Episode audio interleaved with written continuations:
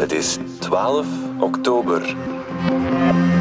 Dit is vandaag de dagelijkse podcast van de Standaard. Ik ben Alexander Lippenveld. Het is stilaan een traditie, maar na nachtwerk bereikte de regering van Alexander De Croo een begrotingsakkoord. Gisterenmiddag raakten ze het na 26 uur vergaderen eens over de begroting van 2023 en het verkiezingsjaar 2024. Er zitten heel wat kleine beleidswijzigingen in de begroting, maar echt grootse dingen had de regering niet te melden. Wat zei De Croo in zijn State of the Union? En mochten we niet wat meer verwachten?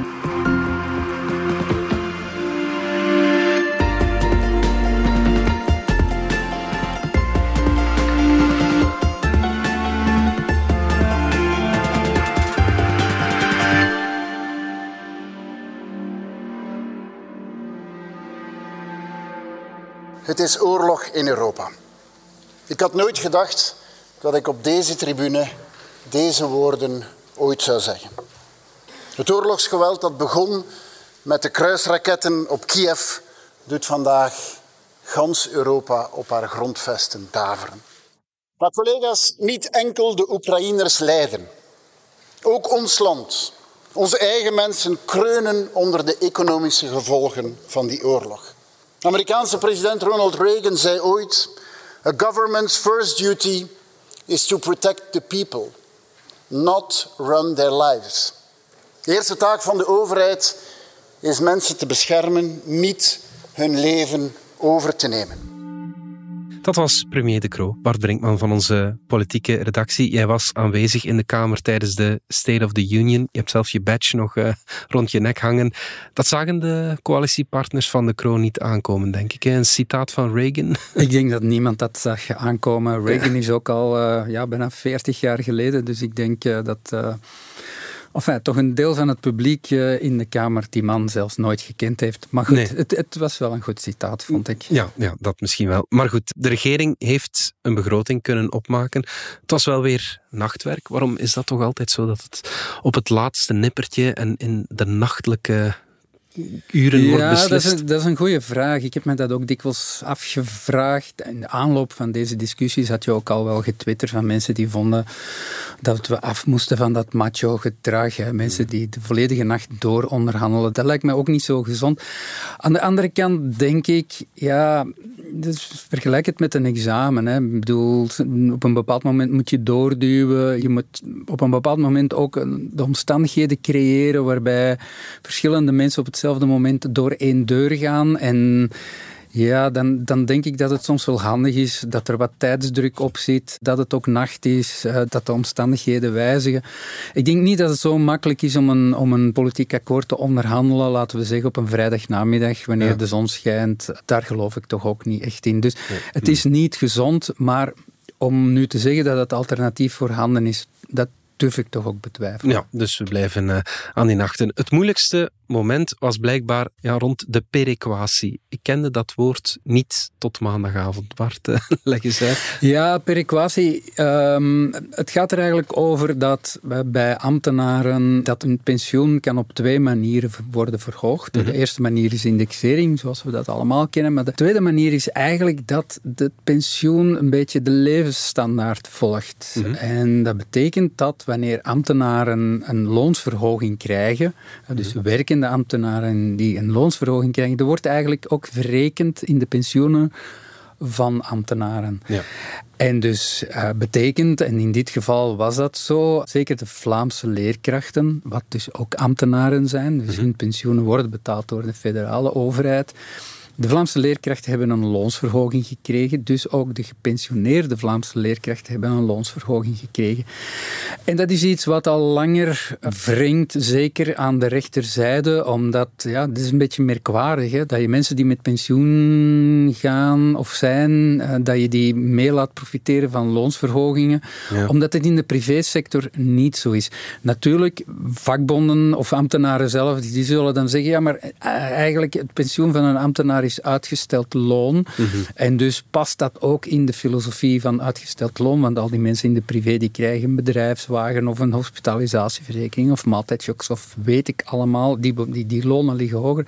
Maar in zekere zin klopt dat niet meer. Ik bedoel, heel wat ambtenaren worden even goed verloond als werknemers in de privésector, wat ook logisch is en ook terecht is, want anders vindt de overheid geen ambtenaren niet meer. Dus de tijd van Jomo Docs, als die naam u nog iets zegt, Ja, van de ja, van de collega's, collega's, is ja. eigenlijk wel voorbij. Dus dat is allemaal veel beter geprofessionaliseerd. Dus het is een beetje een relict van het verleden, maar u begrijpt, het afnemen van rechten Ja, ja, ja. ligt heel moeilijk bij vakbonden en ook bij socialisten, want die zijn ervoor gaan liggen. Ja, voilà, de PS eh, was, daarvoor was het duidelijk, hier Nee. raken we niet aan. Nee, hè. dat gaan ze niet doen. Ja, Ja. Waarom hebben ze daar zo hard eh voor gestreden? het ligt gewoon heel gevoelig in, in Franstalig België. En in alle eerlijkheid, ik vind ook wel dat we kunnen zeggen dat zo'n afschaffing, of het was eigenlijk voor één jaar opheffing van die perequatie, om zoiets te doen in een begrotingsgesprek, los van de totale pensioenhervorming, misschien was dat ook niet het meest verstandige. Ja. Dus als je zoiets doet, kun je dat misschien beter doen in een, in een totale hervorming. Maar goed, Ja, ja, deze ja. regering heeft weinig hervormd, dus ik denk niet dat het er dan zou gekomen zijn. Ja, ja, want het heeft ook wel wat andere dingen in, in gang gezet. Hè. Het feit dat daar, dat daar een jet voor, eh, voor Ja, kwam. natuurlijk. Als, als er een rood niet komt, dan kwam er ook meteen een blauw niet. Ja. Dat houdt elkaar in evenwicht. Hè. Dus het ene veto veegde eigenlijk het andere veto van tafel. Dus de, de wilde de, de effectentax wat verhogen. Mhm. Mensen die heel grote beleggingsportefeuilles hadden, effectenportefeuilles, dan praten we al gauw over meer dan een miljoen euro, zouden daar iets meer tax moeten op betalen. Ja. Dat ging ook toch een behoorlijk bedrag opbrengen. Maar Ja, goed, als rood niks wil toegeven, ja, dan wil blauw dat ook niet doen. Met als gevolg dat eigenlijk de hele ruimte om beleid te voeren, want zo'n begroting, dat heeft natuurlijk verschillende facetten. Aan de ene kant wil je een beetje besparen, maar je hebt natuurlijk zo'n begroting, daar zitten heel veel structurele uitgaven in, dingen die je sowieso moet betalen. Ja.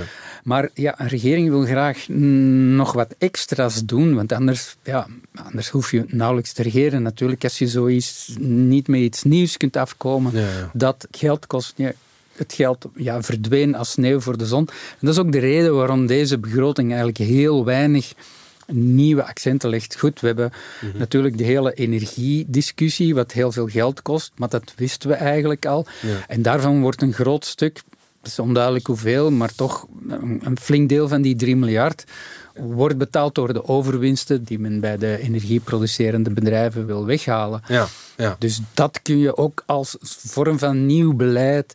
ja nieuw beleid, maar het is ook geen structureel beleid. Nee, hè. want Ja. je weet van zodra die gasprijzen eh, of die elektriciteitsprijzen terug een normaal niveau halen, wat dat dan ook mogen zijn, ja, dan verdwijnen ook die maatregelen. Dus, dus, maar er is heel weinig ruimte voor nieuw beleid, omdat potentiële besparingsmaatregelen van tafel zijn geveegd. Waar zijn ze dan wel geld gaan halen? Ja, dat is, dat is zo'n beetje brik-à-brak. Er, wordt een beetje bij, aan het tijdskrediet gemorreld. Het groeipercentage voor de gezondheidszorg wordt een beetje afgetopt. Er zijn ook wel wat maatregelen voor de banken, voor de banksector. Die moet wat geld op tafel leggen. Zo, dit, dit is zo, dit is heel gevarieerd. Ja, ja, ja. En natuurlijk ook de... Ja, we mogen het eigenlijk niet de woonbonus voor de tweede woning noemen, want het is een ander systeem. Maar in elk geval, mensen die hoopten dat ze een tweede woning konden kopen met een korting van de federale overheid, die zijn er ook aan voor de moeite. Tenminste, eh, als ze het in, vanaf 24 willen doen. Als ze Ja, ja, volgend jaar nog een huisje aan de zee willen kopen, dan komt de overheid nog even tussen. dus voor Ja. de geïnteresseerden een beetje spoed maken. Ja, oké, ja, ja. Ehm, Georges-Louis Boucher, de voorzitter van MR, die, die zegt op Twitter, en ik citeer, MR blijft vechten voor het behoud van het fiscale voordeel voor een tweede woning. Dat is na het akkoord. Dat is na het akkoord, Ja. dat is typisch Boucher. Uh, nochtans zijn vicepremier Clarenval, of toch het kabinet, beweert het tegendeel. Mm. Ik denk ook dat het zo in de notificaties zal staan. Hij heeft zich natuurlijk daar enorm druk in gemaakt. Maar waarom? Waar- waarom blijf je daar nu zo hard voor, voor vechten? u- Dat ja. zijn al mensen met veel geld die een tweede woning kopen, of toch in Ja, theorie. Ja. ja, maar Boucher daar niet mee eens. Hij vindt mensen die een tweede woning kopen, dat zijn eigenlijk niet mensen met veel geld. Dat zijn gewone mensen zoals u en ik, die werken en sparen. Dus hij heeft gewoon een beetje een vreemde kijk op die groep. In elk geval behoren die mensen die een tweede woning kopen, die behoren tot de 10% rijkste mensen van België. Dus het zijn zeker geen armoezaaiers. En je kunt hem inderdaad afvragen hoe zinvol het is om bij zo'n maatregel, die toch bij velen zoiets heeft van dit is toch de normaalste zaak van de wereld. Een woonbonus voor je eerste woning is afgeschaft, maar voor een tweede woning zou je wel een fiscale korting kunnen krijgen. Ja, dit, ik kan het ook niet uitleggen, maar het typeert natuurlijk wel de omwil van bepaalde partijvoorzitters om te hervormen. Als je daarover al begint moeilijk te doen, ja, dan, dan denk ik dat je niet verspringt. De bedrijven hebben wel goed nieuws gekregen, hè? Ja, en de gezinnen natuurlijk ook. Hè. Dus de korting die we gaan krijgen in november en december wordt drie uh, maanden doorgetrokken tot en met maart. Dat betekent eigenlijk dat je toch, los van de btw-verlaging, die er natuurlijk ook is en die structureel, structureel uh, lijkt te gaan worden, uh betekent toch dat je van de overheid zo'n 1000 euro krijgt, alles tezamen. Goed, als je iets te veel verdient, dan ga je daar fiscaal een deel van verliezen. Mhm. Maar het is toch een grote is toch, Dat, is toch, dat is toch een stevige inspanning. Dus iedereen, dus elke meter bij wijze van spreken, die krijgt een check van, ja, het is iets minder dan 200 euro per maand. Dus dat is, dat is wel stevig. En de bedrijven die krijgen een check van 1 miljard. Uh, en dat komt omdat ze geen dus ja, je hebt natuurlijk de indexering, dat gaat bedrijven veel geld kosten, maar dus de sociale lasten die ze normaal gezien op die indexering moeten betalen, want de bedrijven betalen los van een loon, betalen ook nog een stuk aan de sociale zekerheid.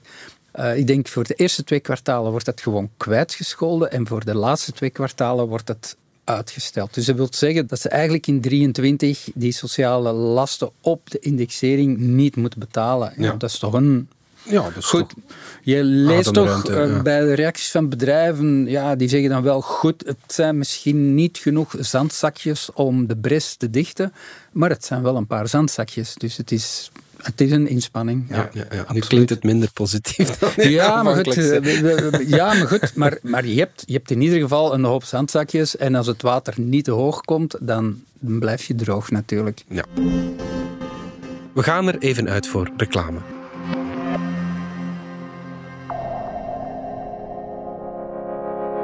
Ik heb een challenge voor u. Ik daag je uit om te kijken naar de twee nieuwe series over de seriemoordenaar Jeffrey Dahmer op Netflix. Eén van de twee is ook al goed.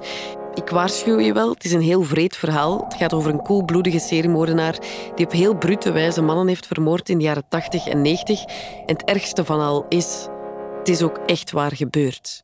Nu, laat het bezinken. Ik snap het ook als je niet verder geraakt dan één aflevering omdat je het in je broek doet. Blijf tussen ons we praten er gewoon over. Nu zaterdag in een nieuwe aflevering van onze cultuurpodcast Radar. Radar. Radar. Radar.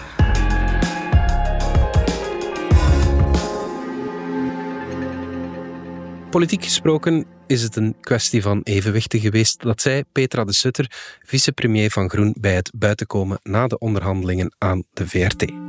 Met zeven partijen rond de tafel en uiteenlopende visies um, ja, uh, moet je begrijpen dat je evenwichten moet, uh, moet bereiken en dat uh, niet altijd mogelijk is om hele grote hervormingen te doen. Dat is tot nu toe al vaker gebleken.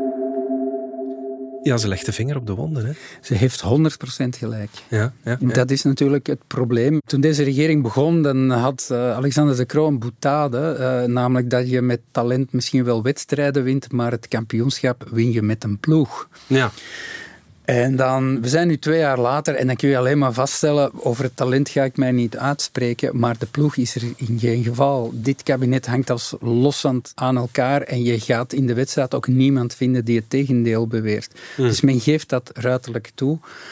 Je zit niet alleen met zeven partijen, maar je zit ook met zeven partijen waarvan een aantal aan de linkerkant zitten, een aantal aan de rechterkant en misschien eentje in het midden of ongeveer in het midden.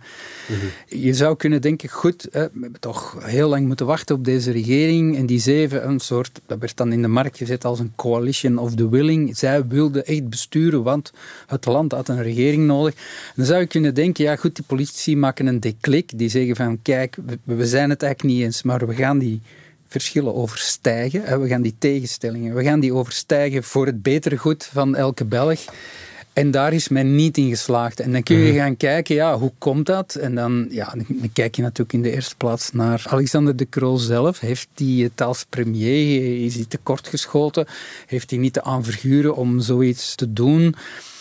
Maar dan kun je ook niet omheen dat heel wat partijvoorzitters zich voortdurend met het regeringswerk mooien en aan het polariseren slaan. En dat maakt het lastig. En dan uiteindelijk heb je niet in handen. Mhm. Dan heb je liberalen die zeggen het moet een hervormingsregering worden, maar dan heb je evengoed socialisten die dat minder nodig vinden, zeker van stalige socialisten, die, ja, moet ik het zeggen, een beetje pappen en nat houden en die natuurlijk gebruik maken van de omstandigheden. Het is moeilijk voor iedereen en die zoiets hebben, ja, als iedereen het moeilijk heeft om de eindjes aan elkaar te knopen en inflatie en dat soort dingen meer, mhm. moet je niet krenterig gaan worden. Dan moet je de mensen ondersteunen, dan moet je de mensen niet lastigvallen.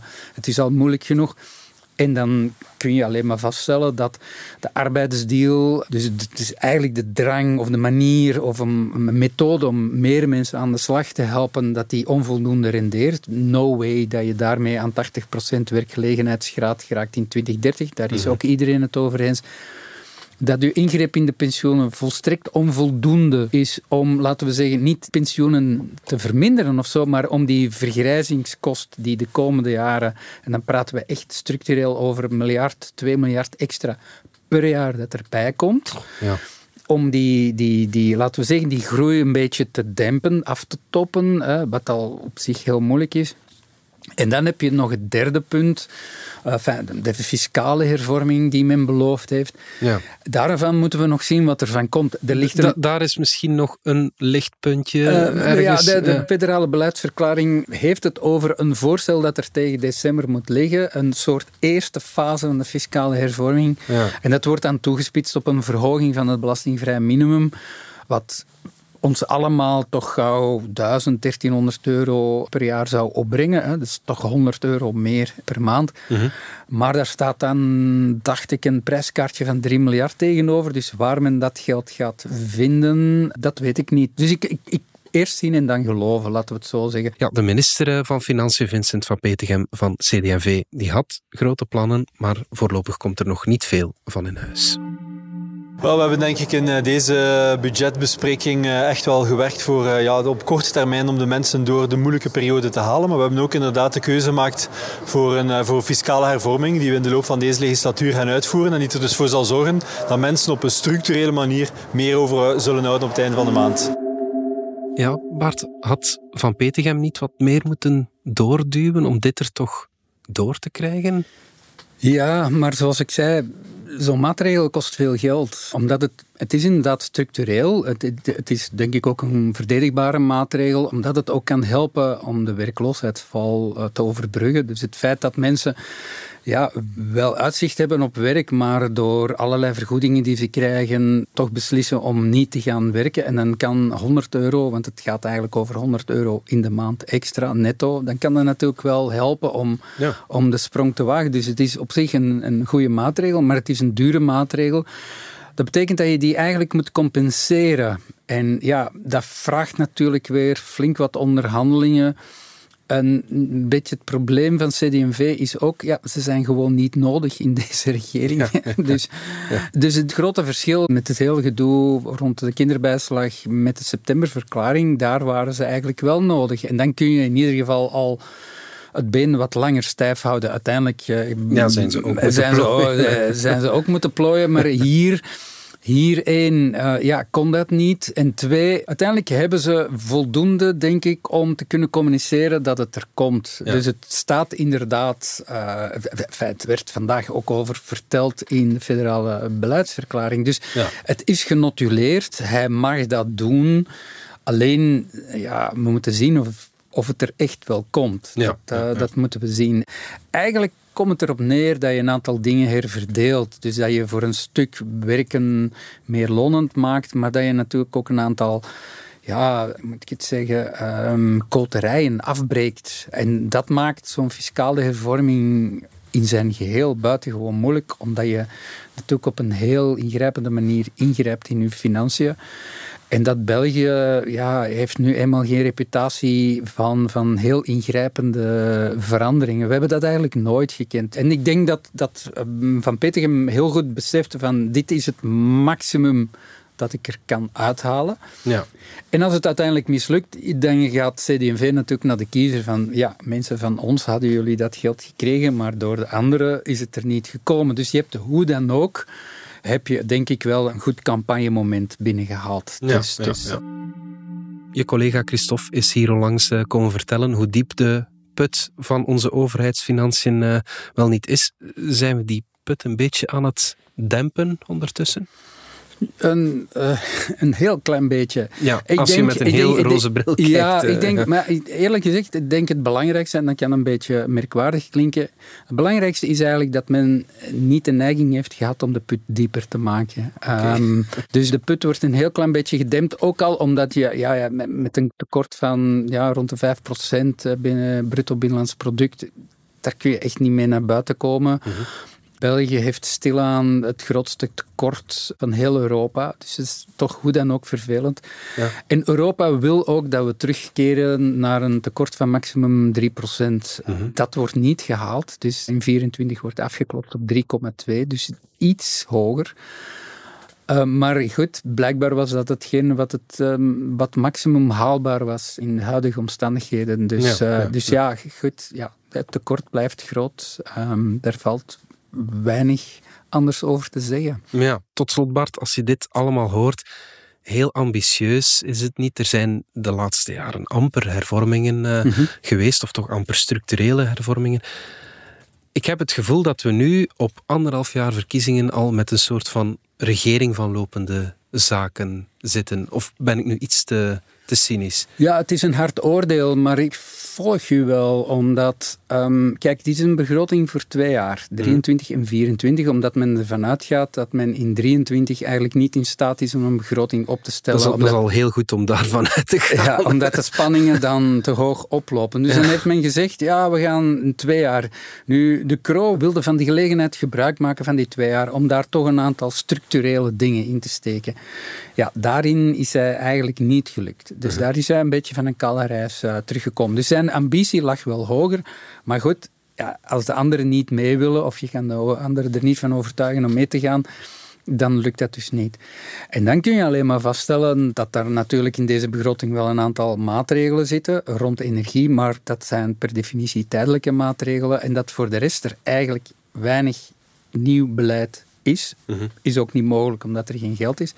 Dus dan kan je je alleen maar afvragen, ja, dat nieuw beleid zal er natuurlijk in 2023, 2024 ook niet zijn, tenzij er bij wijze van spreken miraculeus dat de oorlog uh, tussen Oekraïne en Rusland plots beëindigd wordt en de, de gasprijs terugvalt naar een historisch minimum. Het kan allemaal. Hè. Ik bedoel, politiek Ja. bestaat nu eenmaal uit gebeurtenissen Ja. en je kan het allemaal niet voorspellen. Maar op dit moment is er eigenlijk geen geld om, laten we zeggen, om nieuwe initiatieven te nemen. En er is geen politieke wil om diepgaande hervormingen te nemen. Er is ook eigenlijk geen tijd meer. Omdat, ja, om, om echt te hervormen, dan moet je toch veel overleggen, wetgevend werk en zo. Dus het kost snel toch al een paar maanden, om niet te zeggen een jaar. Dus op zich is de tijd op. Ja, dan kun je alleen maar concluderen dat je stilaan in uh, lopende zaken zit.